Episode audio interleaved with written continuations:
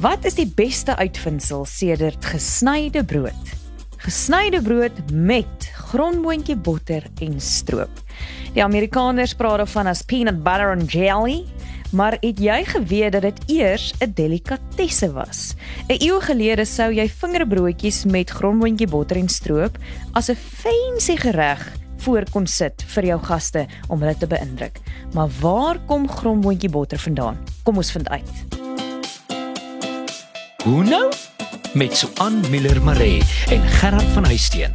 Hoe nou word moontlik gemaak deur afrikaans.com. Jou tuiste vir alles oor Afrikaans. Kyk as my laerskool kosblik kon praat Gerard, sou sy heel eerste woorde en die totaliteit van sy leksikon bestaan het uit grommoontjie botter en stroop op 'n broodjie. Op 'n broodjie. Op 'n broodjie en ek moet sê dit was op 'n stadium amper too much vir my. Dit het amper gemaak dat ek nie meer daarvan hou nie. Maar toe later jare toe daar nou 'n goeie breuk was, toe het ek weer agtergekom hoe lekker is dit regtig op 'n vars warm brood. Het So, jy en ek jou suiker daar ooit dit geëet? Ek het in 'n koshuis groot geword. So O. ons het altyd op Woensdae net op Woensdae nooit anders nie. Het ons bruinbrood gekry. Alle ander dae was witbrood. Het ons bruinbrood gekry en dan grondboontjie botter en stroop wat vooraf gemeng was. Ooh. En dan het ons dit so dik gesmeer op die brood, toe broodjie gemaak, dit in 'n papbord gesit en dan van daai warm blou koshuis koffie Oeh. so daaroor gegooi. Oh, Dan sit soos 'n pap wat Dan jy met 'n lepel pap, eet. Nou eet jy hom so stukkie vir stukkie uit. Dit het allerlei name gehad wat ek nou nie hier op die lug kan herhaal nie, maar dit was fantasties, 'n absolute hoogtepunt. Hoekom dink jy het die onderwysers dit vooraf gemeng, die grondbootjie botter en die stroop, sodat jy nie te veel stroop kon oorsit nie? so of dat mense nie Jee. die grondboontjies. maar vandag eet ek ek het by die Hollanders eintlik geleer om grondboontjie botter met rissie pasta so patee, né? So rissie patee. Ja? Lekker op grouwe rogbrood te eet en ek is baie lief vir 'n grondboontjie botter en Marmite toebroodjie. Och, dit klink soos my ma wat in haar dae daar in Sannieshof omgewing, dis mos naby waar jy Ja, groot ja, ja, geword ja. het, Swizer. Sy het heerlike grondboontjie botterbroodjies ingehaat skool toe, maar dan op die bus van die plaas af skool toe het sy broodjies uitgeruil met haar maatjie, so sy het dit verruil vir pink broodjies, né? Nee? Ah, wat mos ja, ja, ja, witbrood ja. is met tomatiesous Ja, op. Sy ja. was gek daaroor. So ek het ook sulke vriendinne gehad wat uh, Karina en Fiona, hulle was 'n tweeling Mhm. en hulle het so broodjies by my uitgeruil want my ma het altyd sulke kreatiewe broodjies gemaak. Ja.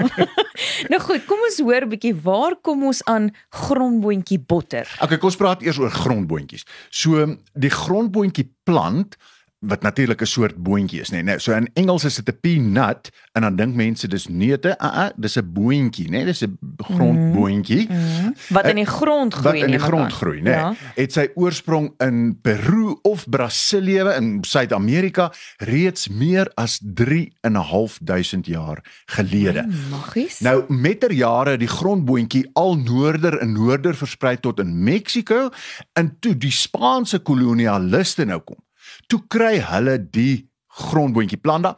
Hulle vat dit toe Europa toe en van daar af versprei dit toe Asië en Afrika toe. Nou, dis baie belangrik dat ek nou sê dit versprei toe van daar af Afrika toe. Hoekom is dit belangrik? Want grondboontjies is toe aan die begin van die 1700s uit Afrika uit deur die slawe na Amerika toe geneem. Dit het met ander woorde nie hier van onder af uit Mexiko uit in Amerika in versprei nie. O, dit het eers via China en Afrika. Nee, vi- via Europa, Europa. Afrika, saam met die slawe Amerika toe. My jene. Nou wat belangrik is dis hier is dat hoekom ek dit spesifiek sê is dat Amerika is vandag die derde grootste produsent in die wêreld van grondboontjies net na China en Indië, nê. Nee. Jo. So dis dis gewoon deel van hulle slawe geskiedenis is nou so 'n belangrike deel van hulle landbou kom eintlik uit hierdie slawe geskiedenis uit. Maar nog belangriker, die woord peanut, mm. nee, dis 'n snaakse woord. Dit is nou 'n ertjie neut, nee, 'n peanut of mm. of so. iets. Nee, nee, nee, Is, nee, nee. ja, is nou 'n ertjie of 'n boon? Presies. Die woord het te maak met die Kongolese woord. So uit Afrika uit, né? Die Kongolese woord mpinda wat hulle naam gewoon vir 'n grondboontjie is. Ah, mpinda. Mpinda. En vandag nog in Nederlands is die naam vir 'n grondboontjie pinda. My. Uh, 'n maggies. grondboontjie botter is pinda kaas in Nederlands. Die wat nou? Ja, soos met nou? ander soos, grondboontjie kaas. Maar kom ek vertel jou net na die breek dan oor peanut butter en grondboontjie botter. Jo, nou ja, toe bly ingeskakel. Is jy op soek na gratis aflaaibare leerhulpmiddels vir jou klaskamer of kind? Afrikaans.com se leerhulpafdeling is net die plek. Plakkate, flitskaarte, luister- en begripstoetse, vraestelle, studiegidse en meer. Van prettige aktiwiteite tot kurrikulumgebaseerde inhoud. Afrikaans.com se leerhulpafdeling bied nuttige hulpmiddels vir voorskool tot matriek. Besoek afrikaans.com se leerhulpafdeling en maak leer lekker. Jy luister na Hoe nou met Gerard en Swan en Swan en Swan. Welkom terug. Ek is besig om die mekaar te raak tussen die botter, die kaas, die pindas, die Meksikane en die Afrikane en hulle verskeie invloede op soos die Amerikaners dit ken, peanut butter and jelly. Maar wat ons wel nou al geleer het, is dat grondboontjies al 3500 jaar oud is en dat dit eers hier in die 17de en 18de eeu nê vanuit Suid-Amerika en die res van die wêreld bekend gestel is, nie aan Amerika eerste nie, maar eers via Europa en Afrika na Amerika toe Presies. via die slawehandel. Presies. En dat pinda een van die grond herkomste is vir die woord peanut. Presies. Het ek presies, mooi geluister? O, oh, jy het te vraai geluister. Goed, nou wat van grondboontjie botter? Mm. Wat jy het nou net gesê van grondboontjie kaas in Nederland. Ja, goed, so hulle noem dit pinda kaas. Ek sal nou verduidelik hoekom hulle dit kaas noem. Mm. So die Inkas wat daar in Suid-Amerika mos nou gebly het, nê, nee, met hulle goue tempels en so aan, het meer as 3000 jaar gelede het hulle dit al gemaal en dan het hulle dit so geëet, so pasta geëet. Aha. Nee, okay, so 3000 jaar terug. Nou grondboontjie botter soos ons dit vandag ken, is historiese en kosgeskiedkundiges dit nie almal met mekaar eens nie. Eleanor Rosakra Rosakraans Rosekrans en, en liewe heksie het een keer by 'n partytjie opgedaag met 'n grondboontjie. toe toe broodjie. Eleanor Rosa Kranse. Ja. So sy was 'n is 'n Amerikaanse historikus. Nou sy het bevind in haar navorsing dat 'n New Yorkse vrou, Rose Davis, so vroeg as in die 1840s al begin het om grondboontjie botter te maak nadat haar seun gesien het, nê, nee, en dit maak baie sin, nadat haar seun in Cuba gesien het dat hulle dit fyn maal en dan op brood eet, nê. Nee. So ons weet die Inkas het dit net fyn gemaal, maar in Cuba het haar seun toe gesien, hulle maal dit fyn en dan eet hulle dit op brood. So ons kan sê daar is eintlik die wortels van grondboontjie botter. Mm -hmm. Nou goed. Maar ander historiese en dit die storie wat jy eintlik die algemeenste sien is die Kanadese sê graag een van hulle chemici uh, ene Edson het in 1884 die eerste patent uitgeneem op 'n grondboontjie pasta pasta mm. nee mm. maar sy produk is nooit kommersieel verkoop nie en dan is daar die ander wat sê 'n Amerikaanse sakeman George A Bale in St Louis het dit in samewerking interessant genoeg met 'n dokter uitgevind wat hulle dan vir pasiënte gegee het wat nie kon kou nie omdat grondboontjie botter so ontsettend gesond is en soveel voedingsstof het maak dit sin om dit vir pasiënte te gee Ek kan dink dat hulle dit dalk ook vir pasiënte later gegee het wat dalk 'n bietjie konstitusieprobleme het, hartlywigheid, né? Nee, dit help graag ook daarmee. Wel, dit voel ten minste so want dit maak jou baie winderig. dit lyk net meer Jy weet nee nee nee, ek die winderigheid is definitief meer aanwesig nadat jy 'n boon geëet het van enige soort. Nou die oorspronklike Amerikaanse patent is egter deur Dr John Harvey Kellogg Huh? in 1896 uitgeneem. Is dit die oom van die graanvlokkies? Inderdaad, net Ah. so, net so, net so, net so. En wanneer het ons dit dan nou in Suid-Afrika ontvang? So grondboontjie botter as 'n kommersiële produk is in 1904 by die St Louis Wêreldtentoonstelling vir die eerste keer eintlik dis nou as 'n kommersiële produk bekend gestel. Mm -hmm. Nou kry ek op die internet kry ek die inligting dat in 1926 was daar 'n Suid-Afrikaanse maatskappy Elderton Limited wat in Mokopane, nou ja, toe destyds was dit natuurlik Potgietersrus. Mm -hmm.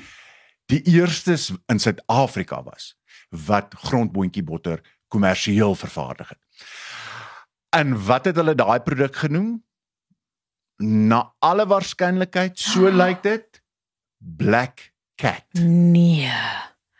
So Black Cat is amper 100 jaar oud. Ja, 95 ro- jare daar rond, né, nee, vanaf 1926.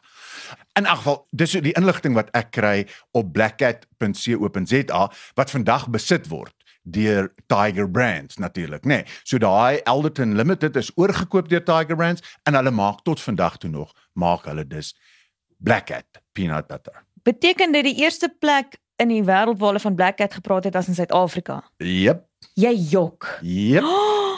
So is ons mooi Afrikaanse woord katjie botter dis 'n vertaling van Black Cat peanut butter? Die waarskynlikheid is baie groot. Maar ek kon nêrens bevestiging kry nie. Hmm. Ook omdat die woord katjie botter slegs in een woordeboek voorkom. Jy weet een van die aanlyn woordeboeke wat ek to toegang het, net Hmm. in een woordeboek voorkom en dis in 'n Nederlandse woordeboek waar pindakaas dan vertaal word met katjie botter. OK. Ek wil hier daarom nou net ook sê ek het in een van my publikasies het ek ooit gesê dat katjie botter waarskynlik 'n volksetimologiese vorm is van katjang wat in Maleis grondboontjie is Wow. plus botter, boter, nê, nee, katjang boter, katjie botter. Maar ek dink dis ietsie wat ek gedoen het terwyl ek op 'n sugar high van een of ander aard Wel, was. vermoedelik het een of ander boerevrou ook terwyl sy op 'n sugar high was, per ongeluk iets bladjang genoem, maar sy het eintlik probeer sê dis katjang.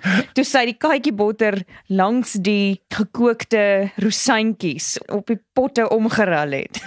dis dalk waar bladjang vandaan kom.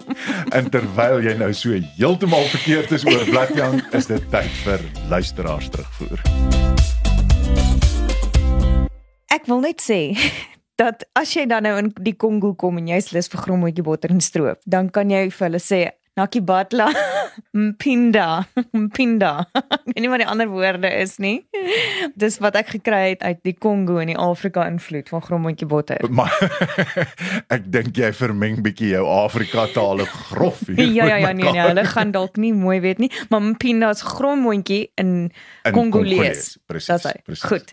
Nou as jy as luisteraar dalk weet of die 1926 gromboontjie botter se naam Black Cat was of as jy weet waar die naam Katjie botter vandaan kom, laat weet ons asseblief want ons is dus nou nog besig met daai navorsing. info@hunou.co.za En onthou om 'n draai te maak op afrikaans.com. Hulle het 'n heerlike webtuiste, amper so lekker soos gromboontjie botter en jy kan 'n broodjie eet terwyl jy daar rondskrabbel na die wonderlike onderhoude en leermateriaal in Afrikaans wat Afrikaans van reg oor die wêreld met mekaar ook verbind en jy kan ook daar luister na vorige episodes van Hoe nou wat jy dalk misgeloop het. Tot volgende keer van al die katte. Doodles. Hoe nou is saamgestel en aangebied deur Suan Miller Maree en Gerard van Huisteen en word moontlik gemaak met die tegniese ondersteuning van Marula Media en die finansiële ondersteuning van afrikaans.com. Jou tuiste vir alles oor Afrikaans.